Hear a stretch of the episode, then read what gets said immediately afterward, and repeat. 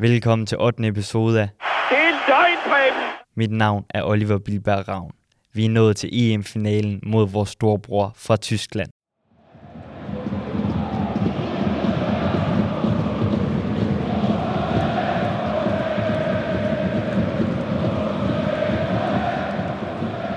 Så er vi kommet til finalen. Ingen havde regnet med dansk deltagelse på dette smukke stadion. Selv svenskerne er glade for at se os. Vi møder stormagten Tyskland, og den danske startopstilling er Kasper Schmeichel, Jannik Vestergaard, Simon Kjær, Andreas Christensen, Joachim Mæle, Thomas Delaney, Christian Nørgaard, Daniel Vass, Mathias Sanka og Kasper Dolberg, og selvfølgelig holdets helt store stjerne Mikkel Damsgaard.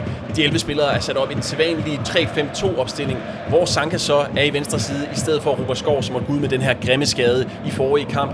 Og jeg tænker også lige for god ro og orden, at vi tager den tyske startopstilling. Manuel Neuer, FC Köln, Antonio Rüdiger, VfB Stuttgart, Mats Hummels, der laver det forbudte skifte for Dortmund til Bayern München denne sommer. Niklas Syle, Juventus, Lukas Klostermann, den tidligere Bayern München-spiller, skifter denne sommer fra Juventus til Dortmund. Joshua Kimmich skifter denne sommer fra Bayern München til Fiorentina. Toni Kroos skifter denne sommer fra Stuttgart til Inter. Marco Reus, AS Roma. Marcel Halstenberg skifter denne sommer fra Inter til Saragossa, Og Serge Gnabry fra Lazio. Leroy Sane skifter denne sommer fra Inter til Monaco. Det er altså en kæmpe kamp, og hvem havde troet, at vi skulle være her?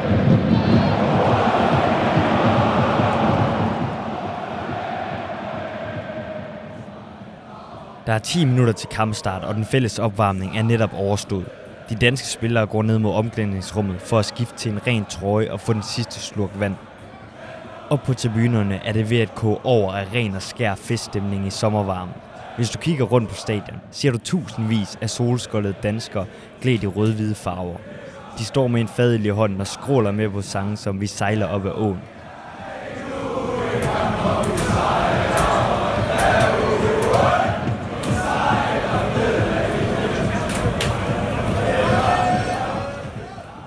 De omfavner hinanden og beder til fodboldguden. Vi har alt at vinde. Christian Nørgaard er som den eneste blevet ud på banen for lige at tage de sidste langskud. Gennem slutrunden har han været den dansker med flest skud på mål. Et tocifret antal gange har han skudt forbi. Kun én gang har han været tæt på med sit stolpeforsøg mod England. Men her fem minutter før kampstart står han alene og sender de sidste bolde mod mål. Julemand kommer pludselig løbende. Han er ved at eksplodere af vrede. Se så at få den snotkasse til at kigge på snørebåndene, når du sparker. Bolden er helt nye. Vi finder dem jo aldrig, når du sparker så langt ved siden af. Prøv at høre her. Du skal spille defensiv midtbane i dag. Og der synes jeg bare, at du skal blive hele kampen. Christian Nørgaard står og måber lidt. Landstræneren vender rundt, men i samme bevægelse fortsætter han endnu en halv omgang, så han er der står ansigt til ansigt med Christian Nørgaard. Christian, har du ikke lige købt en hest hjemme i Danmark? Øh, jo. Svarer den nu endnu mere forvirret spiller. Er det en travhest eller galophest? Det aner jeg ikke. Hvordan kan du ikke vide, om det er en... Nå, er du glad for den hest? Jo, helt vildt. Min kone er, vi elsker at tage på lange. Han bliver afbrudt af julemand. Fint. Så se at få printet et billede af den skide hest og få sat den på dine støvler. Så kan det være, at du kan lære at kigge ned, når du sparker, så du kan holde bolden nede. Julemand vender sig om og går så ned til de andre spillere. Tilbage står Christian Nørgaard og tænker på, om det egentlig er første gang nogensinde, at han har fået en regulær skideball af den ellers beherskede landstræner. Nede i spillertunnelen står spillerne fra de to landshold skulder om skulder, før de skal gå indmarsch til finalen. De tyske spillere indser knap nok danskerne. Tyskerne er koncentreret, fokuseret og professionelle. Men kan man ane en smule hårdmod? Fra spillertunnelen kan danskerne se op på tribunerne. Der sidder Pelé, den brasilianske superstjerne, og smiler som altid. Inden han fandt sig til rette på sin sideplads, var det lykkedes en journalist at få en kommentar med fra Pelé om det danske landshold. Jeg kan virkelig godt lide Danmark, og Damsgaard, det er da en utrolig familie. At både far og søn kan være så gode, er svært at forstå. Bare min søn var så god som Damsgaard. Tæt på Pelé sidder der to personer, som får rigeligt med tv i tid. Det er hans kongelige højhed, kronprins Frederik og dronning Margrethe. Især kronprins Frederik får i disse minutter pulset nogle cigaretter, mens billederne af de to storsmilende royale kendiser brager ud i de danske stuer. Af andre nævneværdige personligheder på tribunen er der især en, som skiller sig en smule ud. Det er undervisningsminister Pernille rosenkrantz teil hun opdagede for nogle timer siden, at der lå to billetter til kampen i Kulturministeriet. Da kulturministeren er i Æbeltoft for at indvige en filmskole, snuppede Pernille rosenkrantz teglbilletterne. Alt imens statsminister Mette Frederiksen og udenrigsminister Jeppe Kofod er til EU-topmøde. Og når statsministeren og udenrigsministeren er væk, fungerer det i dette tilfælde sådan, at undervisningsministeren har ansvaret for landet. Pernille rosenkrantz Tejl er altså vikar for statsministeren. Det er dog ikke lige gå op for hende, og derfor pakker hun sin landsholdstrøje og solcreme og drager mod Sverige for at se finalen. Det betyder, at fra det sekund hun forlod Danmark, er Danmark reelt i en lovløs tilstand, da der ikke er nogen regering lige nu. Det er der bare ingen, som har opdaget. Kampen den føres i gang, og den bliver sendt tilbage til midtbanen, der sender den hele vejen ned til Kasper Schmeichel, som der samler den op. Det her, det er altså noget, man må nu, men som der ændres efter den her slutrunde.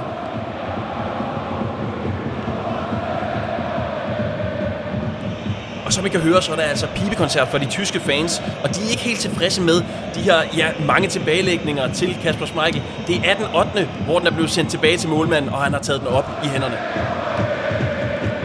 Her har vi altså Lukas Klostermann på midten af banen. Han finder Toni Kroos, der let og elegant glider forbi danskerne. Han sætter den tilbage til Klostermann. Han er fri med Michael. Han prøver sit... Nå, nej, nej, nej. Vanvittig redning af Kasper Michael.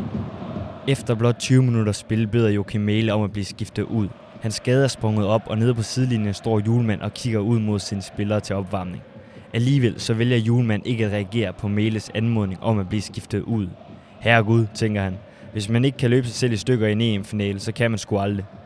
Julemand har altid sagt, at hvis en fodboldspiller ikke kan løbe en runde om Fyn, så ved han det sgu ikke nok.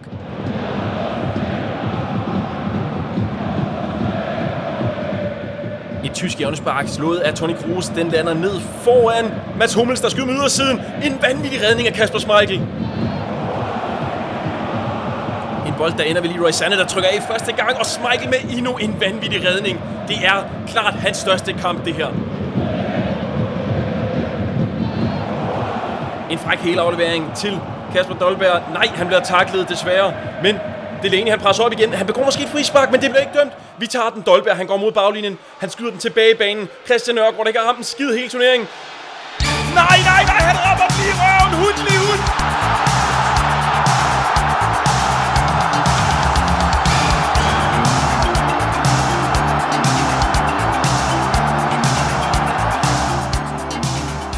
vi er altså her, hvor der skal til at flirtes af ved første halvleg. Og lige som vi gør det, kan man høre danskerne synge Deutschland, Deutschland, alle sidst forbi. Og her hører vi slutfløjtet på første halvleg. Vanvittig præstation fra de danske drenge. Adrenalinen pumper. Sejrene inden for sigte. Følelsen af at stå med blyanten i hånden og muligheden for at skrive et nyt kapitel af Danmarks historien giver danskerne ekstra kræfter. Men ikke desto mindre er pausen tiltrængt, og situationen bliver vendt i pausestudiet. Jamen, udover at det, det er glædeligt, at vi får foran, så, så er vi der presset. Altså, der, der er flere af vores spillere, der, der, der befinder sig på, på det yderste af, hvad, hvad, de egentlig, hvad de egentlig kan yde. Men, men ved du hvad, jeg har det sådan efterhånden efter de her, efter de her tre uger i, i Sverige. Altså, tingene begynder jo at, Altså, det begynder at være den her fornemmelse af, den, det har jeg egentlig haft øh, undervejs et, et par gange, hvor jeg siger, hvornår bliver vi vækket af det her? Fordi det virker næsten som en drøm. Men, men efterhånden, så, så tænker jeg jo, jamen måske bliver vi aldrig nogensinde vækket. Og hvis vi sådan kan, skal kigge på selve kampen, og, og sådan med de mere faglige briller, i stedet for sådan med de, med de store følelser, men det er jo trods alt en EM-finale det her, så skal vi jo så skal vi, vi skal huske, at vi har verdens bedste målmand. Altså Kasper Schmeichel, der skal noget helt ekstraordinært til for at passere Kasper Schmeichel. Det har vi allerede set i første halvleg, og jeg tror måske også, der kan være, der kan, der kan være sådan en begyndende fornemmelse hos, øh, hos tyskerne af, at hvordan besejrer vi ham der? Og et fodboldhold med en super god målmand kan altid overleve en halvleg. Jeg tror, det bliver en halvleg med tyskerne rigtig, rigtig meget på bolden, og hvor vi kommer til at forsvare os meget. Men altså med Kasper Schmeichel, og sådan som, øh, som slutrunden i virkeligheden har, har udfoldet sig indtil videre, så vil jeg næsten sige, at alt er muligt. Øh, Danmark kan blive europamester. Anden halvleg er fløjtet i gang, og man kan se på de danske drenge, at de vil det her. Det er et hissigt pres, der bliver lagt på fra starten af, og vi vil kæmpe til det sidste for Danmark.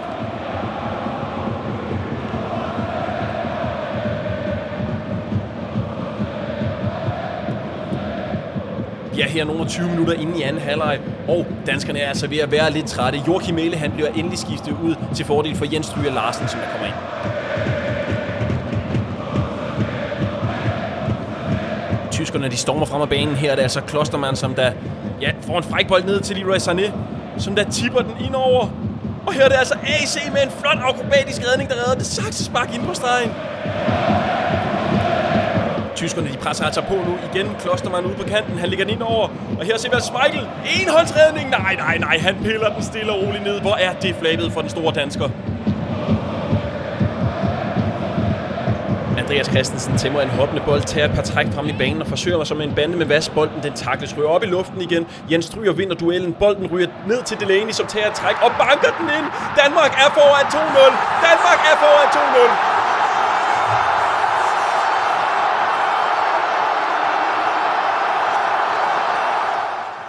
På tv-billederne kan man se en dansk spiller komme farne ind i billedet, da han totalt mistimer sit spring ind i bunken af danske spillere, der ligger på jorden og jubler.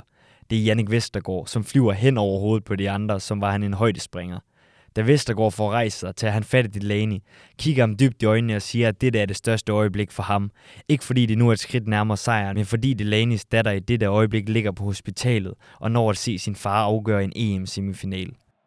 For Delanis datter når desværre ikke meget mere af livet. Selvom ingen på nuværende tidspunkt ved det, så taber hun desværre kampen til kraft to uger efter slutrunden. Men lige nu er der ikke andet end ekstatisk jubel og glædestår fra hospitalet, til tribunerne, til spillerne og til den danske bænk, hvor landstræner Julemand står og tænker i samme baner som Vestergaard. Han er lykkelig på Delanis vegne over, at hans datter når at opleve dette.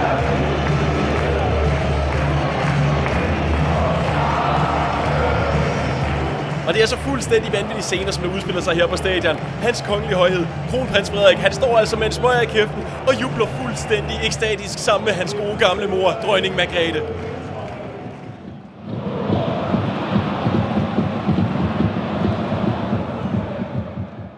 I overtiden rejser den danske landsholdslæser op med et halvt minut igen. Han går fra sin plads på bænken og et par skidt frem til julemand, der står på sidelinjen. Tillykke med sejren, Kasper. Julemand vender sig om og giver sin ven og kollega den største skideball, som lægen nogensinde har fået. Hvad fanden bilder du dig ind at jinxe det hele med 30 sekunder tilbage? Vi er altså i de døende minutter nu. Jens Stryger Larsen, han takler tyskerne. Dolbe, han tager et træk, og her løfter han armene. Der bliver fløjtet af. Danmark er Europamester 2021.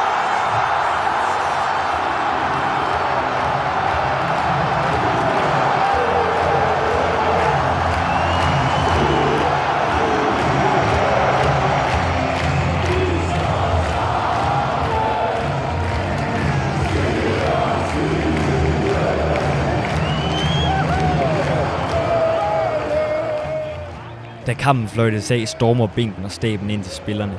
Danmark går amok. Hjemme i stuerne, på Rådhuspladsen, på Roskilde Festival, i haverne. Alle steder, du kan opstøve en dansker, er der fest. Den eneste, der ikke stormer ind på banen, er julemand. Han går afsides ned i spillertunnelen, hvor han beder en bøn til vor herre. Julemand har altid været fast i sin kristne tro, og efter at takke sin skaber, slutter han bønnen af med ordene. Det manglede da også bare. Inde på banen bryder Kasper Dolberg ud i gråd. Glædestårne vælter frem, mens flere af de danske spillere ikke kan fatte, hvad de lige har opnået. Flere af dem står måbne og ved ikke, hvad de skal gøre af sig selv. Smeichel, han løber rundt som en vanvittig, men det er fordi, at der skal tages billeder, og pokalen skal løftes.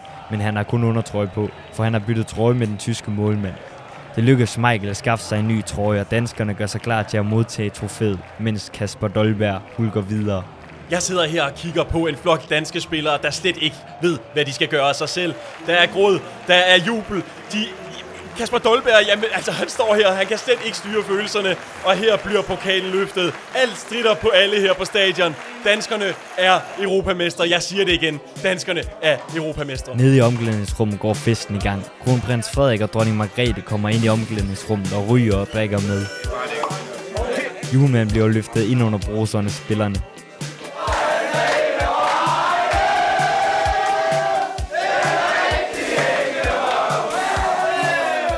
Da de to reelle skal til at forlade omklædningsrummet, får de på vej ud af døren lige en kommentar med fra de danske spillere, der skider højt og flot på alle normerne inden for tiltale af royale.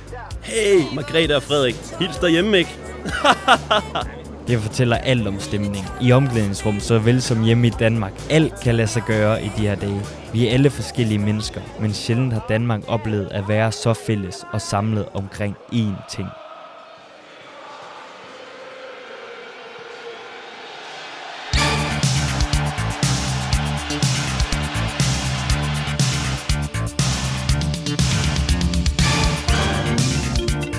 Dagen efter skal danskerne hjem til København med privatfly, for de skal hedres på Rådhuspladsen. Det er lidt op ad bakke for Kasper Dolberg, der har kæmpe flyskræk. Men for en gang skyld kan han ikke slippe for at flyve, hvis han vil nå med hjem til fejringen i København. Flyskrækken bliver dog ikke mindre, da to F-16 jetfly tager imod privatfly, da de flyver ind over København. Det er et vildt syn at se de tre fly på række ind over Rådhuspladsen. Op fra flyet er pladsen helt rød og hvid, så det nærmest ligner en portion rød grød med fløde. Det er slet, slet ikke gået op for spillerne, hvor stort det her er for danskerne. For da de lander,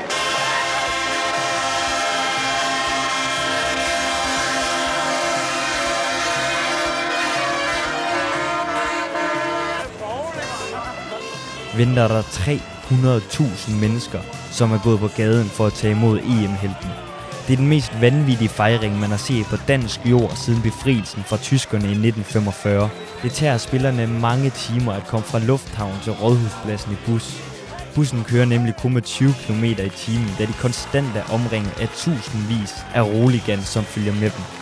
På et tidspunkt, da bussen når Amager, er spilleren løbet tør for øl. Der går under 60 sekunder, og så kommer der to rockere med tatoveringer løbende med fire kasser tuborg, der bliver hejst op til spillerne. Alt kan lade sig gøre. Alt kan lade sig gøre. Uanset hvor man kigger hen, står folk og griner, smiler, drikker, omfavner hinanden, kysser og fester. Ung og gammel, høj og lav, tyk og tynd. For det er Danmark, der har vundet EM. Og det var Danmark, hvis bare man havde været der. Du har lyttet til podcasten. Det er løgn! Skrevet, tilrettelagt, produceret, klippet og lyddesignet af mig, Oliver Bilberg Ravn. Til slut vil jeg gerne opfordre alle sofa-eksperterne til at bruge hashtagget Det er løgn, Breben, hvis du vil skrive om podcasten på de sociale medier. Så kan jeg nemlig følge med. Og tak, fordi du lyttede med.